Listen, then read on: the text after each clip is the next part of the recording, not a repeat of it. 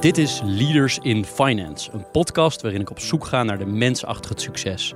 Ik praat met leiders van nu en later over hun drijfveren, carrière en privéleven. Waarom? Omdat er meer gesproken moet worden in de financiële sector. Leaders in Finance wordt mede mogelijk gemaakt door Interim Valley, FG Lawyers en Biscuit.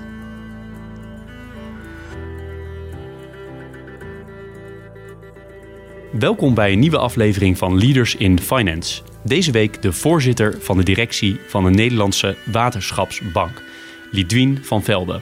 Dat schrijf je Lidwien, L-I-D-W-I-N, en achternaam van V-A-N, Velden, V-E-L-D-E-N. Welkom Lidwien. Dank je, ja.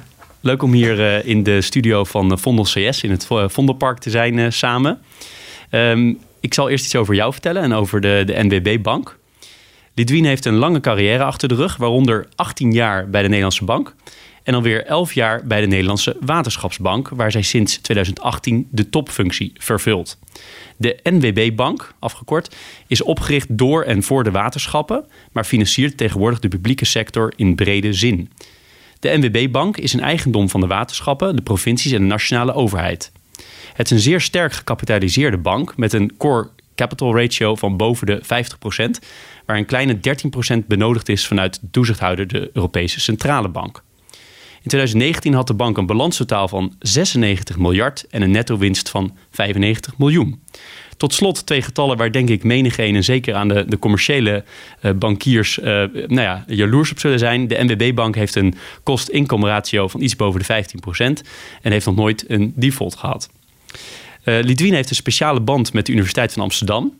Ze studeerde er economie en werkte er de eerste paar jaar van haar loopbaan als docent en onderzoeker. Veel later was ze ook lid van de Raad van Toezicht. Naast haar fulltime baan bij de Nederlandse Waterschapsbank vervult ze een aantal nevenfuncties, waaronder als commissaris van de Farm Access Foundation, is zij lid van de Raad van Toezicht van het Centraal Beheer Algemeen Pensioenfonds en lid van de Administrative Board van de European Association of European Public Banks. Lidwien woont met haar partner en twee kinderen in Durgerdam. Lidwien, waar ik eigenlijk mee wilde starten is, kan jij iets vertellen over uh, de groei die jullie in 2019 hebben uh, doorgemaakt als het gaat om kredietverlening? Jazeker. Um, 2019 was het eerste jaar van onze nieuwe middellange termijn strategie. En we hebben ingezet op ja, financiering van duurzame energieprojecten. En dat, dat is goed van ehm, start gegaan. Dus dat is een van de factoren waardoor we ja, een hogere krediet, nieuwe kredietverlening hadden dan het jaar daarvoor. Daarbij speelt ook dat we een portefeuille van uh, kredieten over hebben genomen van ABN AMRO. En dat zijn kredieten die heel erg bij ons passen. Dus dan gaat het om waterleidingbedrijven, het gaat om uh, woningbouwcorporaties, gemeenten. Dus dat, ehm, ja, dat was een mooie um, mooie transactie in feite die we in 2018 hebben afgesloten. Maar de overname liep nog door in, uh, in 2019. En uh, wat ook heeft gespeeld is denk ik dat, uh, dat we zien dat de woningbouwcorporaties, maar ook de waterschappen, ja, steeds meer investeren in duurzaamheid. En dus ook meer kapitaal nodig hebben. Dus dat heeft bij elkaar allemaal geleid tot die ja, 10 miljard nieuwe kredietverlening, wat echt een record is voor onze bank. Ja, dat is mooi. En uh, ik noemde al een aantal financiële gegevens over de NWB-bank. Kan je ook nog wat, wat andere getallen of wat meer schetsen? Hoeveel mensen werken er? En, en uh, zitten jullie, reizen jullie de hele wereld over? Of doe je toch vooral hier in Nederland? En waar zitten jullie klanten? Ja, nou, ik zeg wel eens dat wij een beetje een schizofrene bank zijn. Want als je kijkt naar de actieve kant, is dat helemaal gericht op Nederland. Het financieren van de publieke sector. En ook de, zeg maar mogelijk maken van publieke doelen. En aan de andere kant, hè, als je kijkt naar onze passieve kant, hè, de, eh, de funding van de bank, ja, die halen we op over de hele wereld. En dat is ook een vak apart. Want dat is uh, een van de kernkarakteristieken van onze bank. Is het zo goedkoop mogelijk uh, ja, geldmiddelen ophalen. Om, ja, om de publieke sector zo goedkoop mogelijk te kunnen financieren. En nou ja, dat is echt een, een kerntaak van de bank. En, en ja, mijn collega's en ik zelf ook ja, reizen normaliter, ja, nu niet in deze tijd, uh, de hele wereld over om uh, investeerders te interesseren in onze, in onze bank. En omdat we zo'n hele veilige bank zijn, hè, we hebben dezelfde kredietrating als, als de Nederlandse overheid. Um, ja, zijn investeerders geïnteresseerd in ons. Uh, en ja, grote institutionele beleggers, maar ook centrale banken. Ehm, ja, dus zo ben ik zelf ook op bezoek geweest bij de Centrale Bank van China, ehm, in Zuid-Korea, met grote uh, ja, uh, levensverzekeraars in, in, in Zuid-Korea gesproken over de bank en de ontwikkelingen. En dat is wel heel bijzonder. Dat je daar dan um, ja, uh, opeens aan de andere kant van de wereld zit om uit te leggen waarom waterschappen bijvoorbeeld zo belangrijk zijn voor ons land. En, en, dan, dan hebben wij altijd een landkaartje en dan laten we zien welk, welk deel van Nederland onder zeeniveau ligt. En dan begrijpen ze heel goed dat uh, ja, waterschappen een van de belangrijke uh, decentrale autoriteiten zijn in Nederland. En ze zijn ook um, ja, de oudste um, publieke entiteiten in Nederland. Hè. De eerste waterschappen die dateren uit de 13e eeuw. Dus voordat we gemeenten en provincies hadden. Met hoeveel mensen werken jullie bij NWB Bank? Dat is ook heel bijzonder. Toen ik voor het eerst bij de Waterschapsbank kwam om, uh, ja, om, om te praten over, uh, over die uh, rol die, die vakant was, ben ik me gaan verdiepen in de Nederlandse Waterschapsbank. En ja, ik, ik, ja, toen was de balans van de bank al iets van 65 miljard. Maar er werkten maar iets van 45 mensen. En ik dacht, nou, dat, dat was een raadsel voor mij. En ik had ook uh, in mijn rol als uh, toezichthouder bij de Nederlandse Bank ook rondgelopen bij hele grote banken hier in Nederland. En ik dacht, ja, goh, hoe, uh, hoe doe je dat? En um, dus dat is eigenlijk wel een van de meest opmerkelijke kanten van onze bank. En ik moet dat ook elke keer weer uitleggen, want wij staan nu onder Europees toezicht. En nou ja, dan, we hebben nu een, een, toezichthouder van Duitse origine, de coördinator. Ja, en, en ja, die moet je even, even geruststellen. Dat je een bank van 100 miljard met 77 mensen kan runnen. En dan leg ik ook altijd uit dat dat is het kernteam. Maar deze organisatie is opgezet eigenlijk als een soort netwerkorganisatie al van, van, ja, van het begin af aan. En ik zeg altijd, wij hebben altijd allemaal partners om ons heen die ons helpen eigenlijk die bank te runnen. En daar hebben we een lange termijn relatie mee en dat, dat geldt bijvoorbeeld voor het betalingsverkeer van de waterschappen. Dat hebben we geoutsourced naar uh, een uh, IT-bedrijf. Um, en, nou, en daar hebben we gewoon natuurlijk een hele lange verstandhouding mee. Maar we hebben ook heel bewust bijvoorbeeld gekozen om uh, IT-ontwikkeling niet zelf te doen. Want wij vinden dat geen kernactiviteit. En wij, en wij denken dat andere partijen dat veel beter kunnen. ik neem aan dat kredietbeoordeling wel een kerntaak is. Of hebben jullie dat ook deels uitbesteed? Nee, kredietbeoordeling is inderdaad een kerntaak. Dat is echt een, eh, het, uh, ja, het hart van de bank. En wij hebben natuurlijk niet heel veel kredietrisico's, maar heel veel andere risico's. Want wij managen die hele grote balans. Met, uh, ja, wij, wij hedgen eigenlijk al onze rente- en valutarisico's. En daarvoor hebben wij wel um, tegenpartijrisico's. Hè, want wij sluiten die derivaten af met hele grote investmentbanks. Uh, en dat, dat is wel een, een stukje kredietrisico wat, uh, wat veel aandacht vergt uh, van de bank. Maar het kredietrisico op onze directe um, um, klanten, waar het gaat om de kredietverlening, die is natuurlijk heel beperkt. Hè? Want dan hebben we het over woningbouwcoöperaties die geborgd zijn als wij een krediet verstrekken. Uh, waterschappen, die natuurlijk hun eigen belasting kunnen ophalen en onderdeel zijn van het publiek bestel in Nederland. Uh, maar de afgelopen jaren hebben we wel wat meer kredietrisico op de boeken genomen, omdat dat in het verlengde lag van wat de, ja, de publieke sector um, aan, aan doelen um, voor zich ziet. Hè. En dan heb ik het bijvoorbeeld ook over duurzame energie. Maar ook grote infrastructurele projecten die ze pri publiek-privaat ontwikkelen.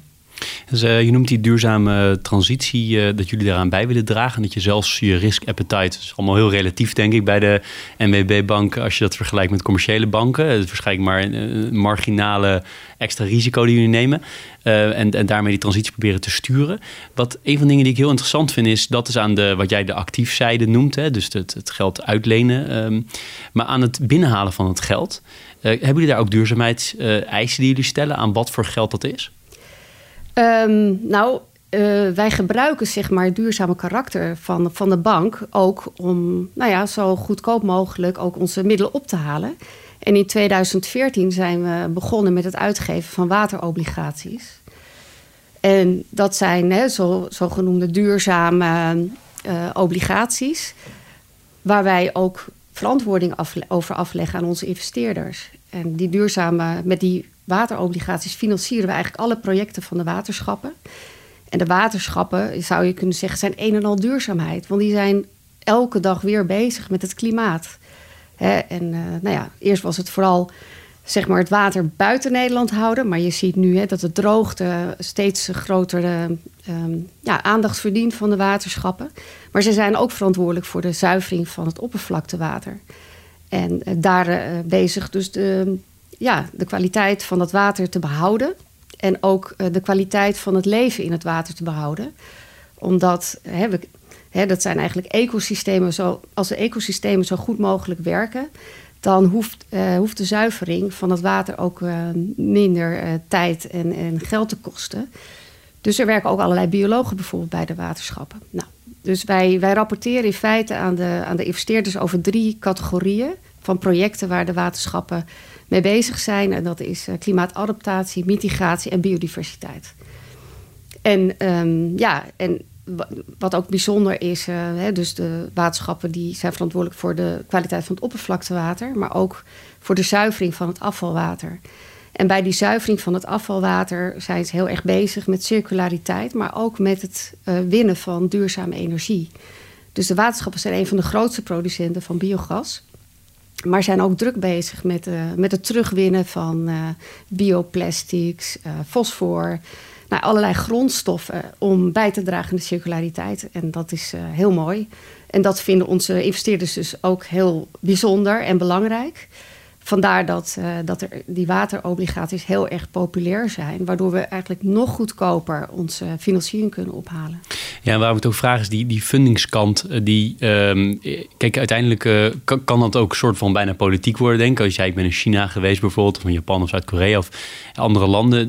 Je, je nemen aan, jullie funden je ook met, met publiek geld uit andere landen? Of is het altijd commercieel geld? Nou ja, het is ook publiek geld zou je kunnen zeggen. Want de Centrale Bank van China is natuurlijk een van de grootste investeerders ter wereld. Ze hebben hele grote deviezenreserves die ze beleggen. Dus je zou kunnen zeggen, ja, ja het centrale bankengeld is ook publiek geld. Ja. Nee, dat is interessant. Vandaar ook de vraag van hè, die fundingkant. Hoe fund je je? Want je zou misschien ook wel eens bepaalde funding niet willen... omdat daar misschien minder duurzame aspecten aan zitten... of misschien politieke aspecten of wat dan ook. Dus vandaar uh, de, de gedachte. Ja. Um, Eén ding wat ik heel interessant vond, en ook omdat je econoom, economen bent, uh, extra boeiend. Dat uh, jullie zijn natuurlijk zo ontzettend, um, uh, zo ontzettend goede rating hebben jullie als bank. Zo'n bastion van degelijkheid zou je kunnen zeggen. Voor, zeker in deze tijden waar er veel onrust is, willen mensen denk ik graag op, op veilige plekken hun geld, hun geld wegzetten. dat jullie dus zelfs ook dus met negatieve rentes kunnen lenen, maar ook kunnen uitzetten weer. klopt dat? En hoe werkt dat precies? Want ik vind dat altijd lastig te begrijpen. Ja, ja, wij zeggen wel eens, we zijn gewoon een margebedrijf. Dus wij uh, kijken naar de, de, de tarieven die wij zelf moeten betalen voor onze eigen financiering. Doen daar een opslag bovenop. En lenen het dan uit. En die opslag, daar, uh, ja, wij zijn er niet voor winstmaximalisatie. Dus wij, wij proberen die opslag ook zo, ja, zo beperkt mogelijk te houden. Maar wij nemen natuurlijk wel gewoon de risico's in ogenschouw die we hebben. En ook de, de kapitaalskosten die de bank heeft om een, uh, ja, een uh, faire marktprijs te kunnen bepalen. Maar die winstopslag is heel beperkt bij ons. En ja, hoe, hoe efficiënter wij werken, dus hoe kleiner het apparaat blijft, ja, hoe goedkoper wij ook weer die uh, kredieten aan onze klanten kunnen verstrekken. Um, maar ja, wat je nu ziet is dat ja, wij zelf onze financiering ophalen um, tegen negatieve rentes. Hè, tot het vijfjaarsbereik ja, uh, ja, betalen wij in feite, uh, uh, of ja, betalen onze investeerders rente. En wij kunnen dat, ehm, en dus ja, als de, na de opslag nog steeds die negatieve rente overblijft, dan, ehm, dan krijgen onze klanten ook die negatieve rente berekend. Hè, dat is eigenlijk een heel transparant proces. Dus dat is wel bijzonder in deze tijd. En sommige klanten die, uh, die begrijpen het niet dat, wij, dat ze ook nog eens rente toekrijgen als ze geld bij ons lenen. Dus in het begin ging dat wel eens mis. dan, ja, dan maakten ze toch rente over. En dan moesten wij die rente weer terugstorten. En nog eh, naast de rente die we ook al hadden betaald aan ze. Ja. Maar dit is ook wel heel. Is het niet ook een hele vreemde incentive dat als je de, de gemeente, ik weet niet wat, uh, of hier, eh, ik heb in een ander interview gehoord dat jullie ook het GVB hier in Amsterdam hebben gefinancierd. Die zou daar dan, ik weet niet of het in dat geval zo is, maar even als uh, voorbeeld, die krijgen dus geld toe om geld te lenen. Is dat niet een hele rare incentive? Ja, dat is een hele rare incentive. En um, dat, ik, ik vind het als econoom nog steeds bijzonder dat we in zo'n tijd leven. En ja, ik denk dat er verschillende factoren spelen hier. Uh, meer structurele factoren, maar ook uh, natuurlijk het hele ruime monetair beleid. En dat is wel grappig, want uh, ik heb inderdaad bij de Universiteit van Amsterdam ook een paar jaar gewerkt. En daar mijn onderzoeksonderwerp was internationale economische beleidscoördinatie. En ik onderzocht met speltheoretische modellen ook de interactie en de optimale uitkomsten van ja, eh, de, hè, de monetaire autoriteit en de budgettaire autoriteit. En dan ook nog eens in samenwerking met, uh, met het buitenland. Um, om te kijken wat, wat zijn nou de optimale uitkomsten. En ja, uh, de praktijk is dus een heel andere. Hè, want je kunt het allemaal heel mooi modelleren. Maar je ziet nu dat, dat de, ja, de centrale banken heel erg de kart trekken de afgelopen jaren. En, en dat het nu, hè, dus je ziet nu wel met de meest recente crisis, dat de, hè, dat de overheden um, veel meer aan zet zijn nu om te zorgen dat we de, de gevolgen van deze crisis beperken. Maar, uh, maar nog steeds is het best wel grof geschud wat er uh, gebruikt wordt uh, door de, de, alle centrale banken in de wereld. En dat heeft ook in belangrijke bij, mate bijgedragen aan die negatieve rentes. Jullie hebben, wat ik in de inleiding ook las, hè, best wel uh, jaloersmakende uh, cijfers, denk ik, voor, voor partijen. Zeker dat hele goedkoop kunnen funden is natuurlijk al hartstikke mooi. Maar ook die kost-inkomratio, heeft ongetwijfeld te maken met de hoeveelheid mensen ook die jullie, relatief weinig mensen die er werken. werkt het inderdaad ook bij de commerciële banken jaloezie op? Jullie zijn de vijfde bank van Nederland, na ING, ABN AMRO, Rabo en de Volksbank, als ik goed zeg. werkt het wel als jaloezie? Want die hebben ook publieke afdelingen. Um, nou, nee, niet. Ik, ik, ik denk dat wij uh, heel, veel, heel vaak de samenwerking opzoeken. We hebben, want we kunnen heel goed complementair aan elkaar werken. En ik, mijn, mijn visie daarop is ook dat allerlei grote vraagstukken, dus ook zoals uh, het klimaatvraagstuk, dat we daar gezamenlijk zullen moeten optrekken. Publiek-private sector, maar ook binnen de financiële sector. En moeten zoeken naar. Uh, onze ehm, ja, kerncompetenties in feite. En wat wij heel goed kunnen als het Nederlandse Waterschapsbank, is uh, ja, ons altijd heel groot en goedkoop financieren. Ook in moeilijke tijden, omdat we natuurlijk zo'n betrouwbaar profiel hebben.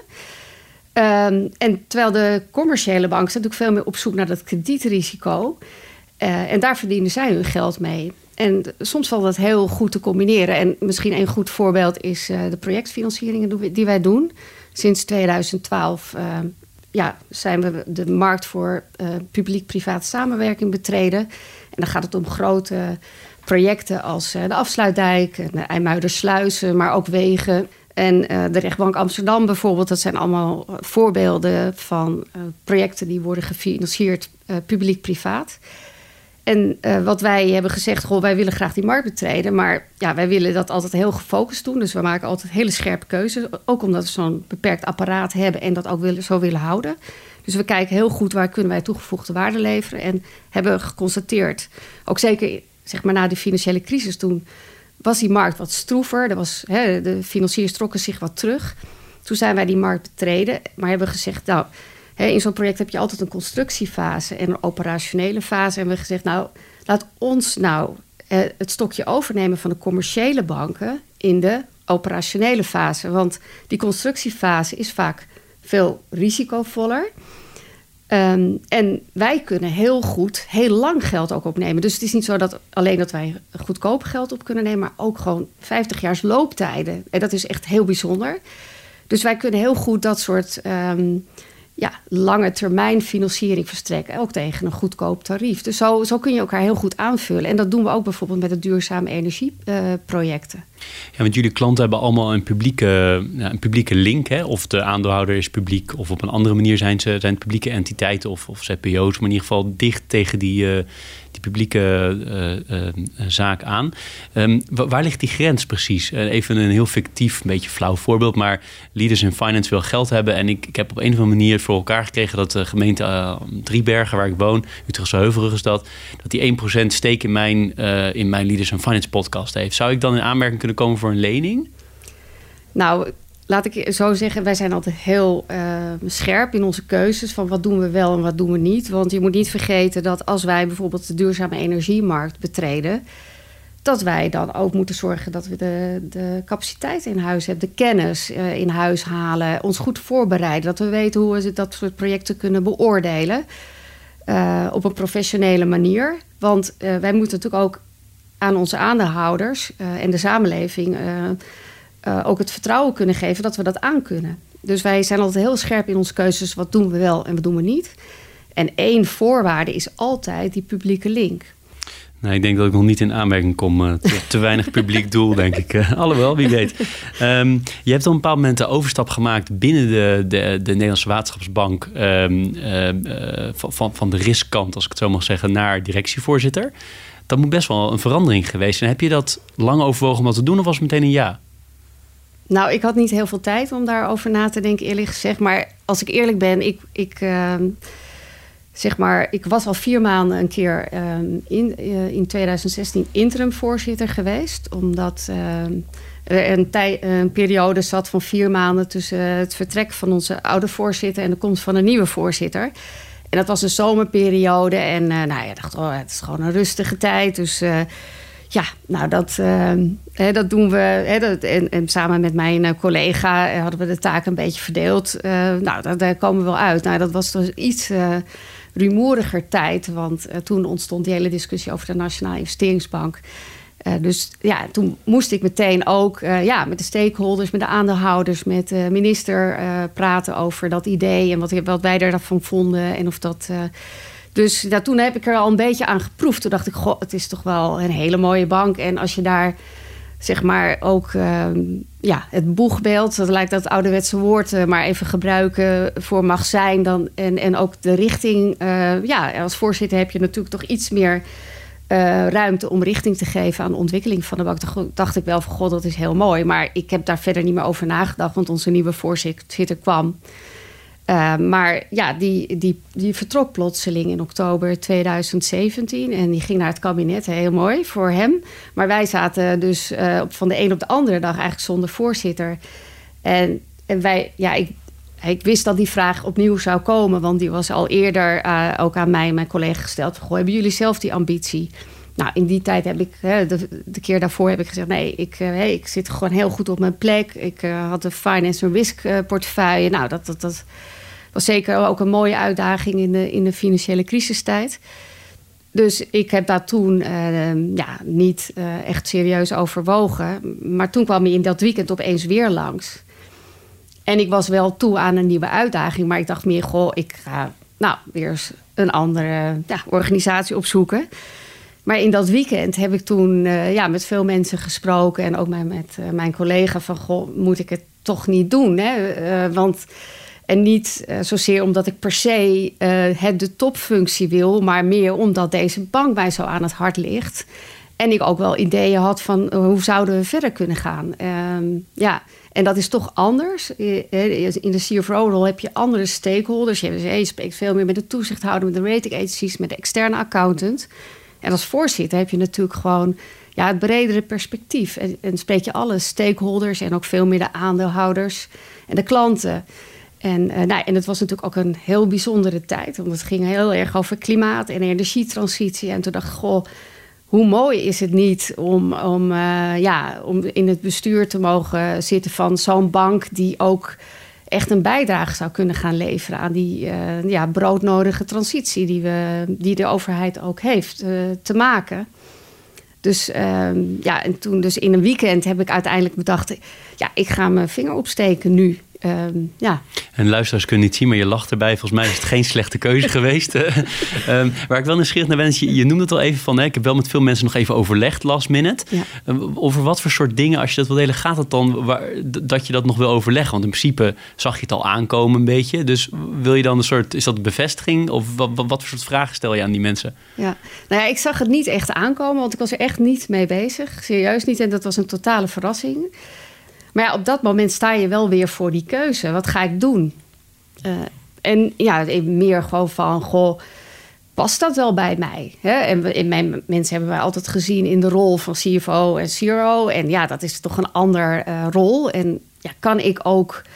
Want je bent toch uh, ook belangrijk gezicht naar buiten toe voor de bank. En kan ik dat? En wil ik dat? En kan ik daarin groeien? Ja, dat zijn van de vragen. En, en, en, natuurlijk is het een hele mooie uitdaging. Maar je vraagt je wel af van, dit is een hele verantwoordelijkheid ook. Van als ik mijn vinger opsteek, dan moet ik het ook gaan doen. En waarmaken. Um, ja. Is die, uh, wat ik zou noemen, bescheidenheid... Uh, uh, ook iets wat je hebt meegekregen vanuit je jeugd? Um, ja, ik denk, ik denk wel dat mijn ouders... Um, ja, die, die, die, waren niet zo van, oh, wat doe je het goed? Uh, weet je, ze waren meer van, je moet alles uit het leven halen wat erin zit. Je moet je best doen.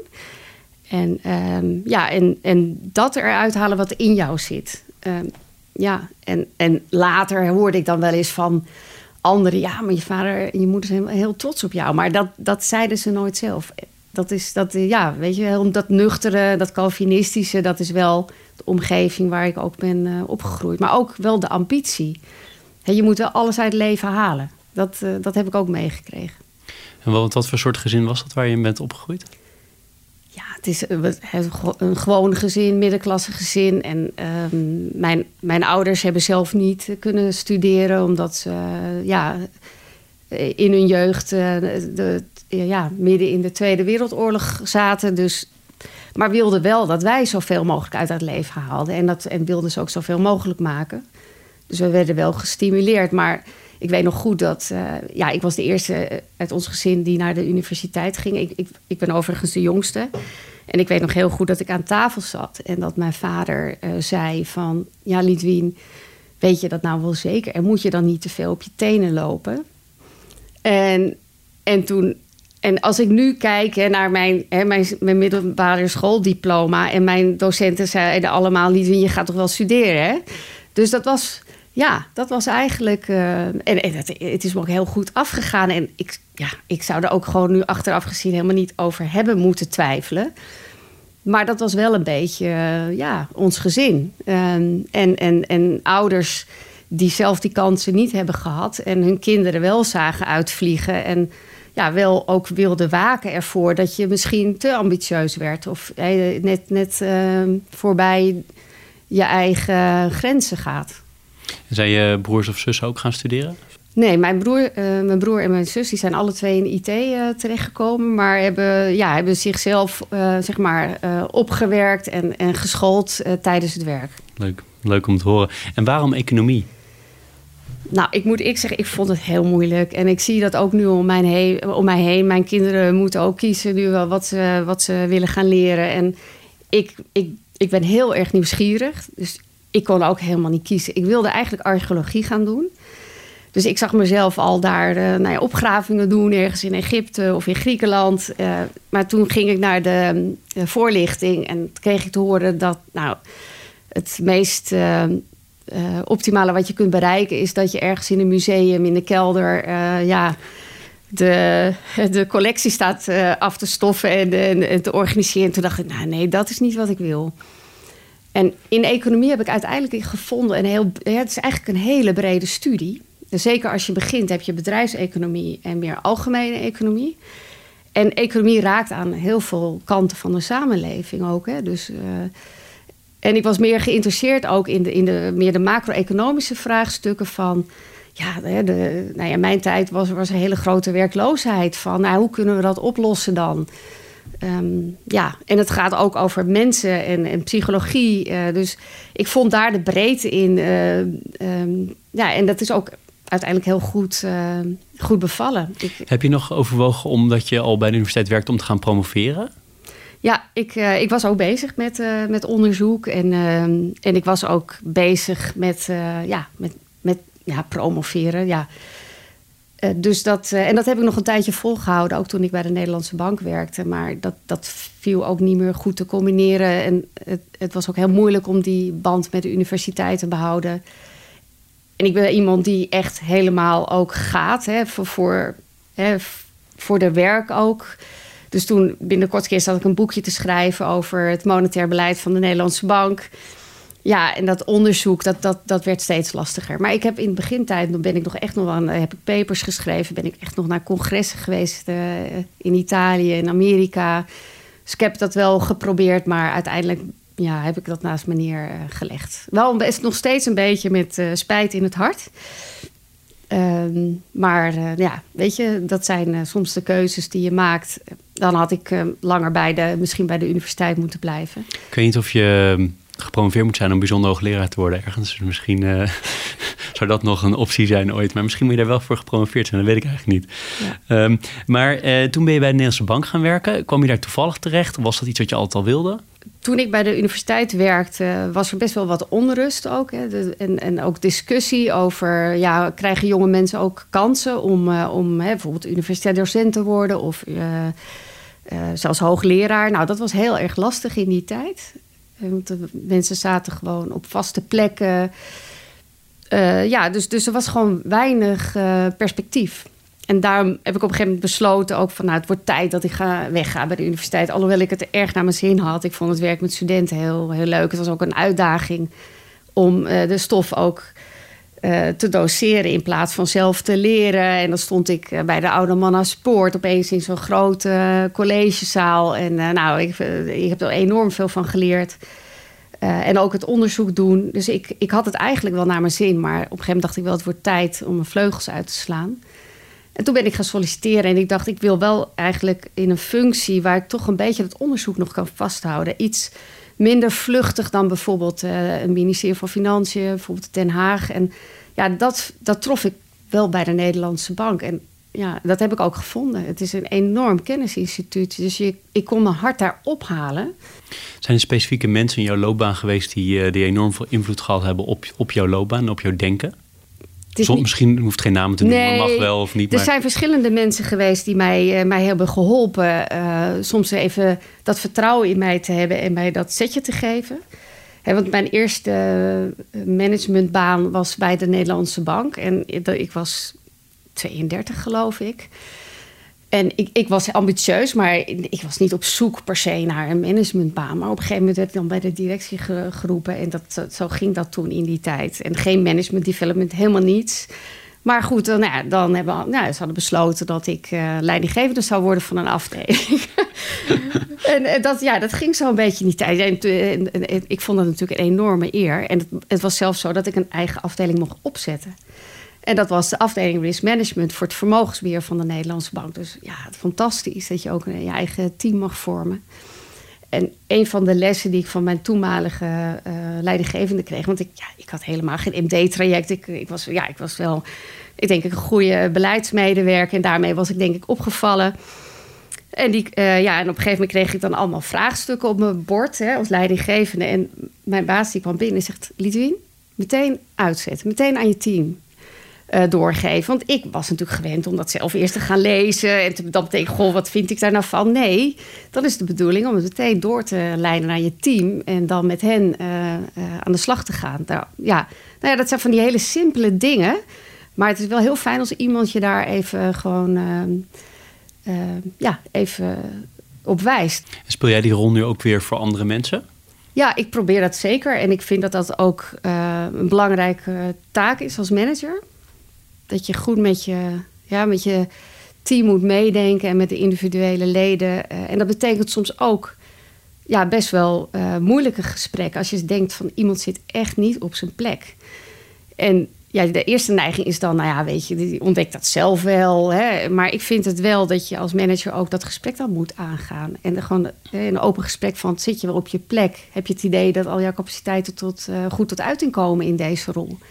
En dat vond ik heel lastig. En, en, dan stel je dat even uit. Maar je, als je het dan toch doet, heb ik ook geleerd dat, dat je daar enorm veel um, goodwill mee kweekt. Juist om dat gesprek aan te gaan. En mensen komen dan uiteindelijk op hele mooie plekken terecht, ook buiten de organisatie. Waar ze veel beter tot hun recht komen. En, en die mensen die spreek ik soms nog steeds. Ehm, ja, heb jij ook wel eens feedback gehad waarvan je op dat moment dacht: Oh, dat wil ik eigenlijk echt niet horen. Maar dat je later toch tot het besef kwam dat je er veel aan hebt gehad? Nou, een van de lessen die ik uh, zelf had, ik, ja, ik duik altijd helemaal in, een, uh, in mijn werk. En op de een of andere manier zie ik ook altijd weer uitdagingen. En een van de belangrijkste lessen die ik ook heb geleerd is: creëer je eigen ruimte. En wat je, soms zit je in hele politieke, hè, grotere organisaties zeker, daar is heel veel politiek. En uh, nou ja, ook bij de Nederlandse Bank was dat natuurlijk zo. En je wilt wat bereiken, maar ja, je wordt belemmerd. Um, ik heb gewoon geleerd om mijn eigen ruimte te creëren, om eigen kansen te zien en te pakken. En dat vertrouwen te krijgen van je leidinggevende om dingen op te pakken. En op een gegeven moment, uh, ik zat midden in dat uh, overleg, dat internationaal overleg over het tot stand komen van de Monetaire Unie. En ik, uh, ja, dat, dat vond ik helemaal geweldig. En toen op een gegeven moment werd ik bij mijn leidinggevende groep. En die zei, nou Litwin, we willen dat je gaat switchen naar een andere rol.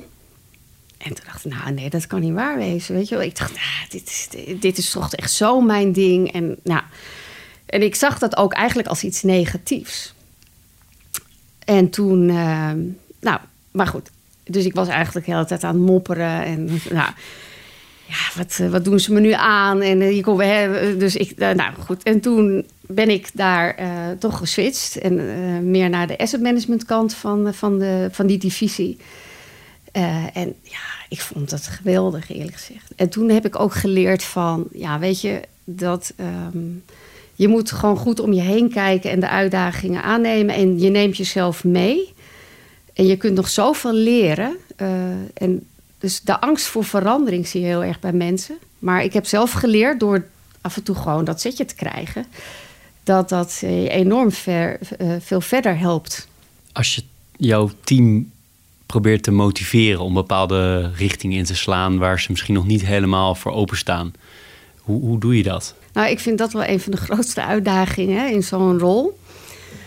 Uh, omdat je soms wel voor jezelf een heel duidelijk beeld hebt van, nou ja, daar zou ik heel graag naartoe willen. Maar je weet dat je dat niet alleen kan. Dus je zult eerst de stap moeten zetten om anderen te overtuigen. en ja, dat doe ik eigenlijk door met, vooral met mensen te praten en mijn ideeën te delen. En, en soms het even met rust te laten. Uh, en dan zie je op een gegeven moment, soms hoor je je eigen ideeën terug uit de mond van een ander. En dan vind ik heel erg mooi, want dan denk ik, goh, diegene denkt dat hij het zelf heeft bedacht. Nou, prima, uh, maakt me helemaal niet uit, want dan betekent dat dat hè, van binnenuit komt. Want dat is essentieel voor verandering, dat mensen daarin gaan geloven.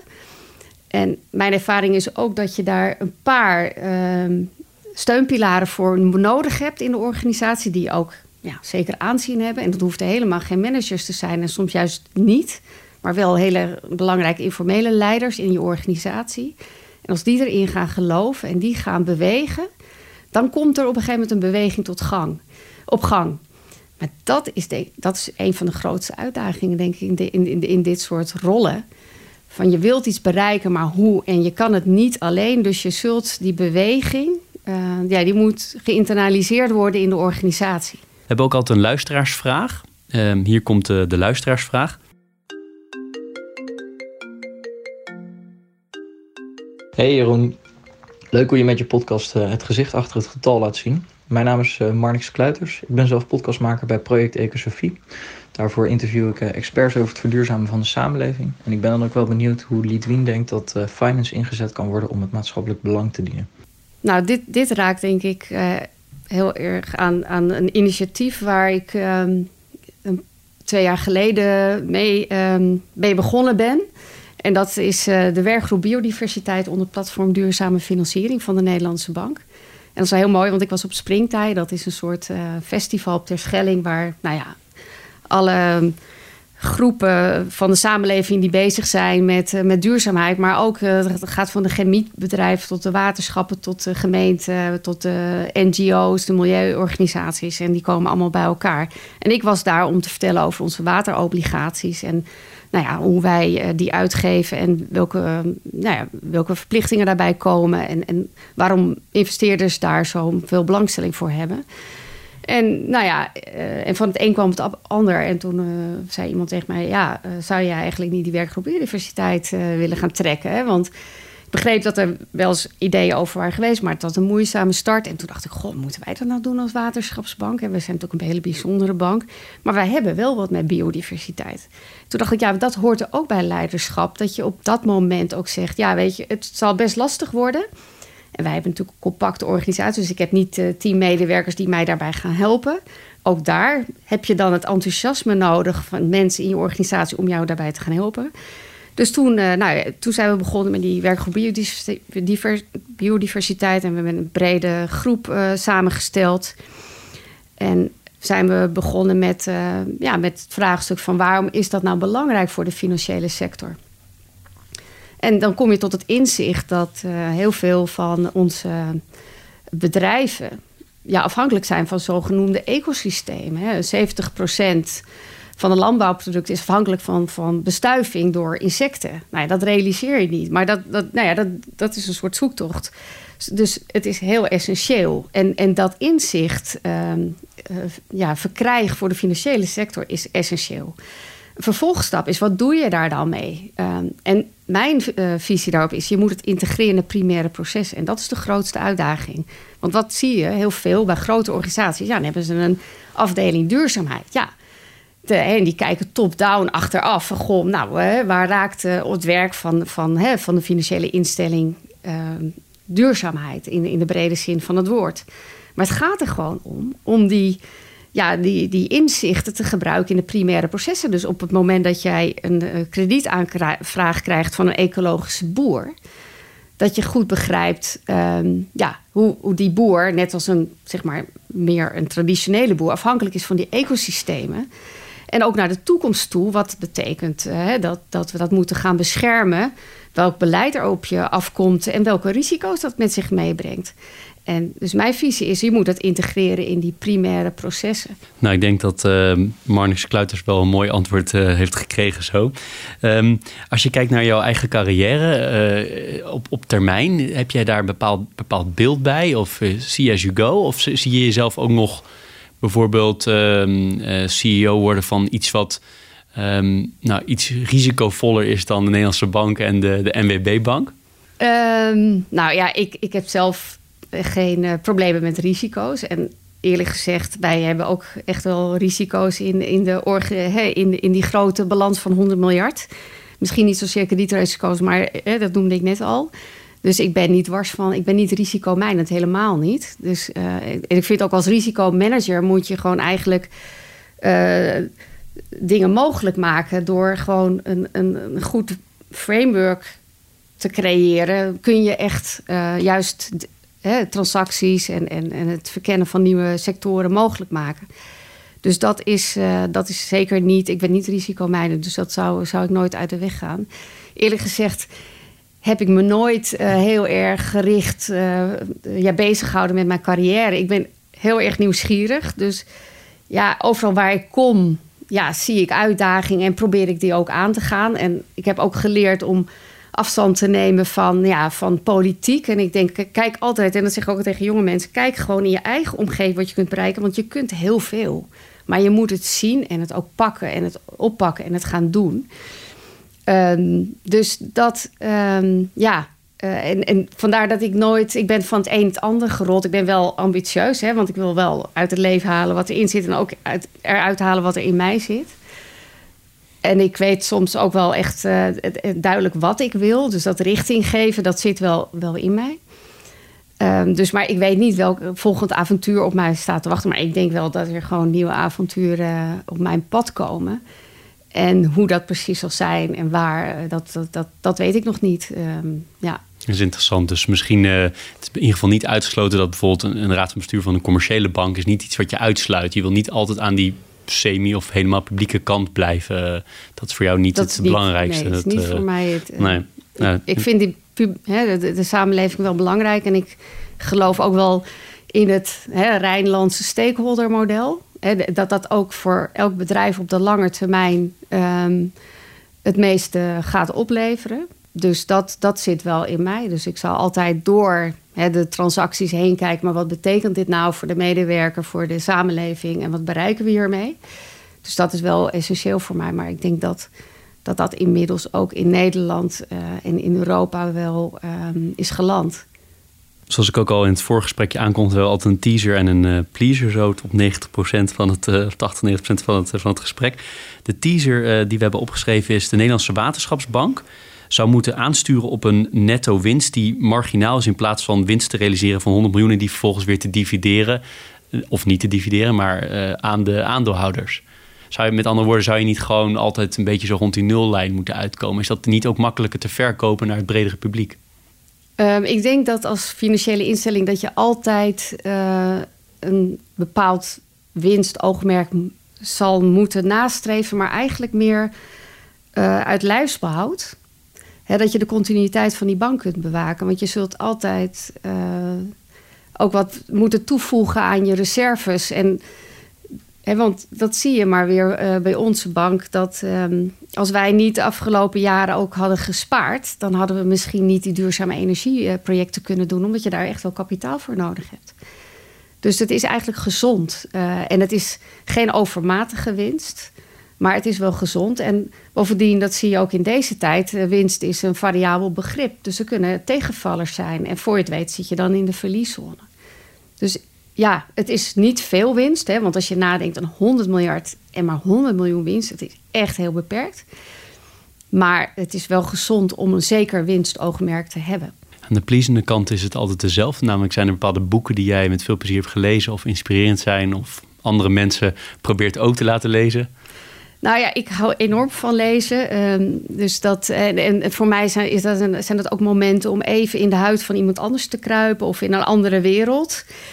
En ik hou ook enorm van reizen en andere culturen leren kennen. Nou ja, ik denk dat het eh, de komende tijd misschien meer boeken lezen wordt.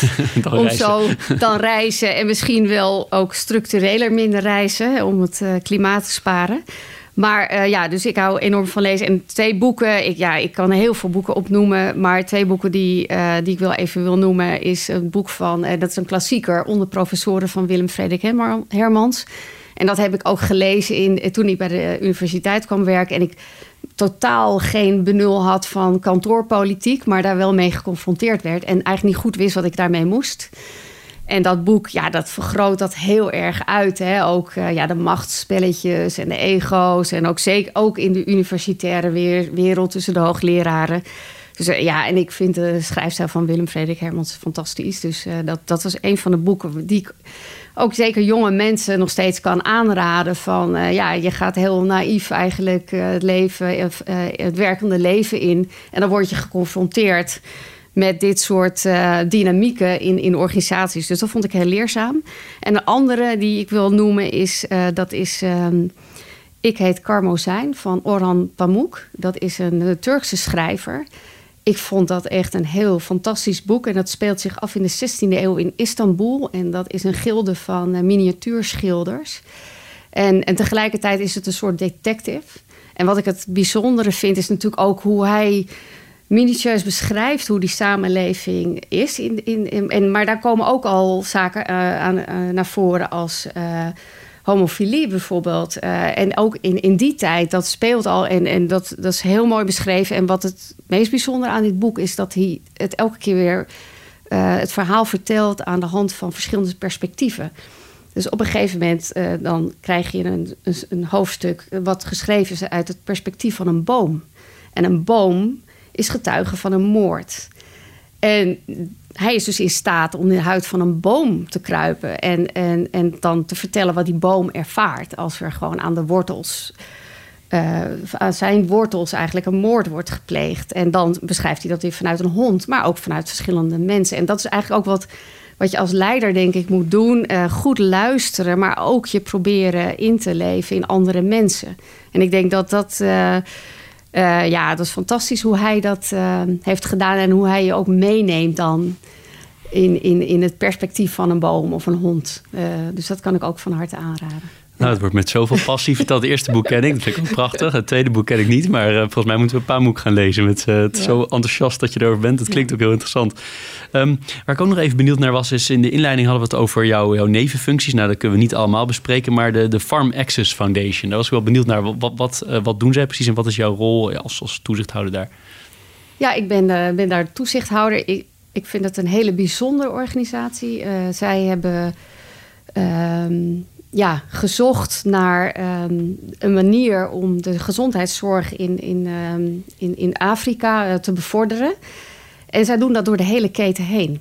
En zij zijn. Uh, en je denkt eigenlijk bij uh, ja, ontwikkelingshulp en zo, dat je dan direct aan, aan de publieke sector, dat je daar de samenwerking mee zoekt. Maar zij zijn juist begonnen bij de private sector. Dus zij zijn kleine hospitaaltjes gaan financieren. Ehm, en ook ja, ja, soort wallets gaan ontwikkelen met allerlei digitale technologie.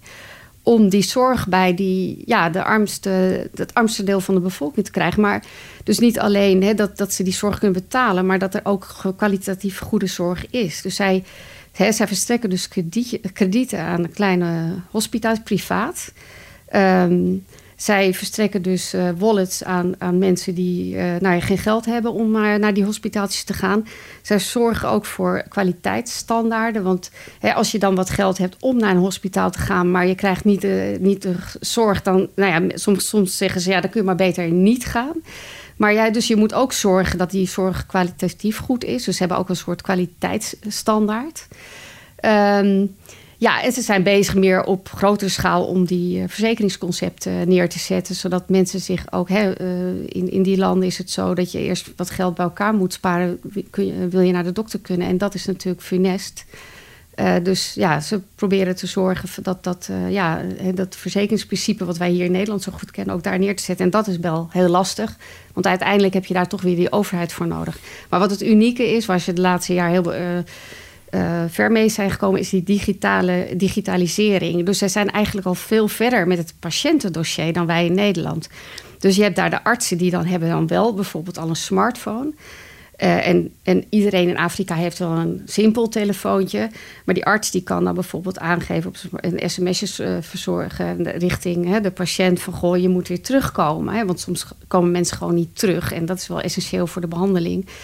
Maar die artsen hebben dan zo'n patiëntendossier in hun telefoon uh, zitten. En kunnen dan ook heel goed bijhouden hoe het gaat met die patiënt. En die data wordt ook weer gebruikt om uh, ja, uh, interacties te plegen in de, in de gezondheidszorg in Afrika. En nu met COVID ook. Hebben ze webinars. ze proberen die artsen ook mee te nemen in nou ja, hoe moet je nou omgaan met, met, deze, met deze pandemie. Ja, dus dat is heel bijzonder dat ze de hele keten doen. En dat ze ook aangrijpen bij de private sector. Interessante nevenfunctie lijkt mij. Ja, ja leuk, heel bijzonder. Leuk, ja. Je hebt uh, altijd ambitieuze banen gehad. Uh, je hebt gezin. nu heb je helemaal natuurlijk de, de, de eindrol bij, bij de bank. hoe heb jij, heb jij, maar ook nu, maar misschien heb jij misschien nog wel interessanter, je privé en je werk gecombineerd? Ja, ik heb daar ook, ook daar heb ik niet heel erg over nagedacht. En nou ja, uh, ik heb mijn nieuwsgierigheid en ambitie gevolgd.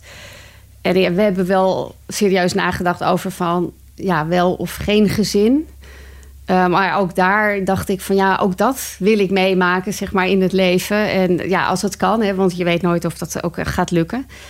En ja, en ik dacht ook wel, ja, ook dat gaat me wel lukken. En dat combineren. En daar staan we samen voor. En dan moet je daar soms wel hele duidelijke afspraken over maken. Dus uh, mijn, uh, mijn man is op een gegeven moment wel vanuit, van huis uit gaan werken.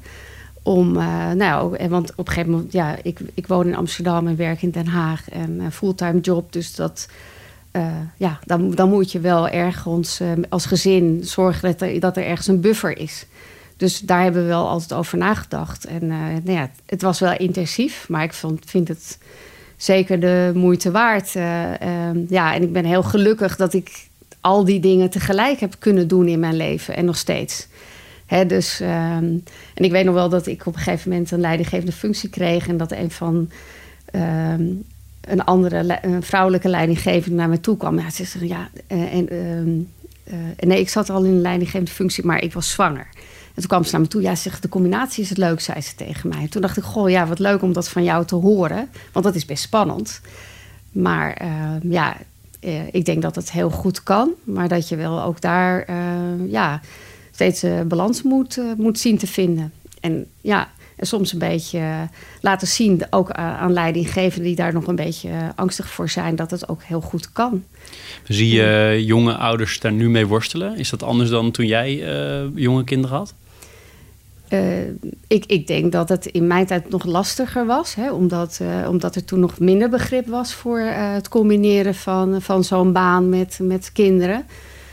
En ik zie nu, en dat, dat vind ik hartstikke mooi, dat hè, de jonge generatie binnen onze bank is toch heel normaal dat, dat, hè, dat, dat je man en vrouw dat samen oplossen dat het net zo. En dat, dat, ja, en dus ja, ik, ik heb geen zorg dat het goed gaat komen. Want daar ligt wel, volgens mij wel de sleutel. Dat je, hè, je voelt dat je dat samen moet doen. En dat je daar goed, goed, goede afspraken met elkaar over moet maken.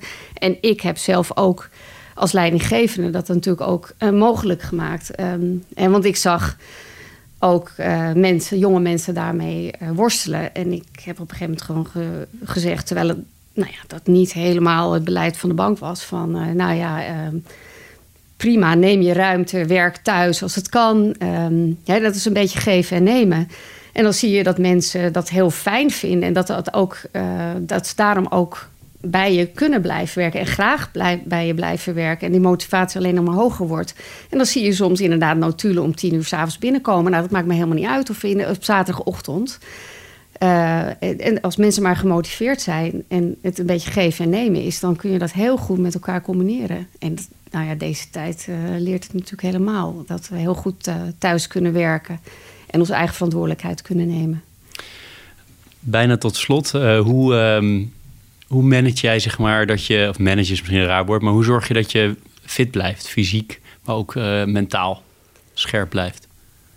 Ja, um, ja, dat mentale scherpe, dat, dat zoek ik ook wel in, in niet-sportieve activiteiten. Dus door mooie boeken te lezen. Maar ik heb, uh, en dat is nu wat minder, heel veel uh, muziek gemaakt altijd. En ook andere mensen opgezocht. Hè. Dus niet de minder rationele kant van de samenleving. Dus dat houdt mij mentaal ook um, um, gezond. Dus door die andere, ja, andere werelden. Um, maar tegelijkertijd is het voor mij heel belangrijk uh, dat ik, ik, sport. Maar dat is wel een beetje efficiënt. Op, uh, veel in het weekend. Dus ik, uh, ik loop hard met de buurvrouw. En dat doen we al heel veel jaren. Dus zaterdagochtend om half negen. En dan, dan, dan lopen we ja, iets van negen kilometer. En dan bespreken we de week. En dan hebben we ook meteen even ja, dat van ons af kunnen praten. En op zondagochtend uh, ging ik altijd naar de sportschool. Ja, dat kan nu niet. Dus nu, uh, nu ga ik dan uh, zeg maar zelf achter de met een app aan de gang. en, en wat ik heb ontdekt eigenlijk tijdens mijn zwangerschappen is yoga. En dat geeft mij ook heel veel rust en energie. En dat, dat probeer ik ook tussendoor nog te doen. Nou, dan moeten we toch nog alleen nog heel nieuwsgierig even vragen wat die muziek dan is. Want wat doe je dan precies en wat voor muziek maak je? Nou ja, ik heb. Uh, um, ja, ik speel saxofoon. En eigenlijk moet ik zeggen, dat heb ik heel intensief gedaan. Ook zeker tijdens mijn studie. Uh, en ik heb heel veel uh, vertoefd in de jazzwereld. En ik heb, nou ja, dus dat, dat, ja, dat is een hele bijzondere wereld waar ik ook heel veel van mensen heb geleerd. En ook door het samen muziek maken en ook improviseren dus, dus dat is uh, ja, een uh, bijzondere muziekvorm. En daar, uh, ja, dat uh, vind ik heerlijk. Maar ik moet eerlijk zeggen, dat heb ik heel intensief nog steeds volgehouden. Tot aan de geboorte van mijn dochter, mijn tweede kind. En toen was het even echt, nou ja, nou, ik had twee hele jonge kinderen en een, een, uitdagende baan. Toen heb ik voor mezelf besloten om mezelf niet gek te maken. Van ja, nou Litwie, nou moet je even pas op plaats maken. Het is je gezin en je werk. En dan af en toe, nou ja, op pad met een, uh, met een vriendin en uh, heerlijk naar muziek luisteren in de auto. Maar goed, en uh, ja, dat, is, dus dat, dat, dat doe ik minder intensief. Maar ja, is wel nog een van mijn grote hobby's. Voordat ik je ga bedanken, is er nog iets. Ik stel deze vraag eigenlijk altijd. Is er nog iets wat ik, waarvan jij zegt dat had je moeten vragen, of had ik heel graag willen vertellen? Nou, ik denk dat, uh, dat heel veel uh, aan bod is gekomen. Het enige wat, waar, als jij nog zou vragen, goh, wat vind je nou jammer wat je, wat je niet hebt gedaan tot nu toe in je carrière, is het buitenland. Hè? Want ik, hoor, ik hoorde net van jou dat jij ook in het buitenland hebt gewerkt en dat had ik ook heel graag gewild. Dat is op mijn pad gekomen. Toen had ik een leidinggevende die zei: Ja, het komt me nu eigenlijk niet zo goed uit als jij nu naar het buitenland gaat. En dat heb ik toen geaccepteerd, wat ik eigenlijk af, achteraf nog steeds jammer vind. En ik heb dat wel weer ingehaald door uh, veel op reis te zijn en in, uh, ze participeren in internationaal overleg. Maar als ik nou terugkijk op mijn carrière, dan denk ik: God, dat, dat, ja, dat had ik ook wel heel goed gevonden om mee te maken. En ik heb ook wat gehoord van anderen dat je daar heel veel van leert dat je daar even weer helemaal alleen opnieuw moet beginnen. Uh, dus dat, uh, ja, dat zijn. Nou, wie weet. Ja, wie weet. Toch nog, uh, je weet het nooit. de, de, het model van de Nederlandse Waterschapsbank zou ook nog wel iets kunnen zijn wat in de rest van de wereld heel, men heel interessant vindt. Dus, ja. Maar goed, heel erg bedankt voor je ontzettende openheid. En heel leuk om het te horen over en over de NWB-bank en over jouzelf en allerlei dingen daartussenin. Uh, Bloemon geeft altijd een, een, een, cadeautje. Dus die krijg je zo na, dit, na deze afsluiting. Maar nogmaals ontzettend bedankt. Heel erg leuk gesprek. Veel dank. Jij ook bedankt. Vond het heel leuk. Dit was Leaders in Finance. Elke week weer een nieuwe aflevering. Elke week weer een mens achter het succes. Ik vind het belangrijk om te zeggen, deze podcast zou er niet zijn zonder onze partners Interim Valley, FG Lawyers en Biscuit.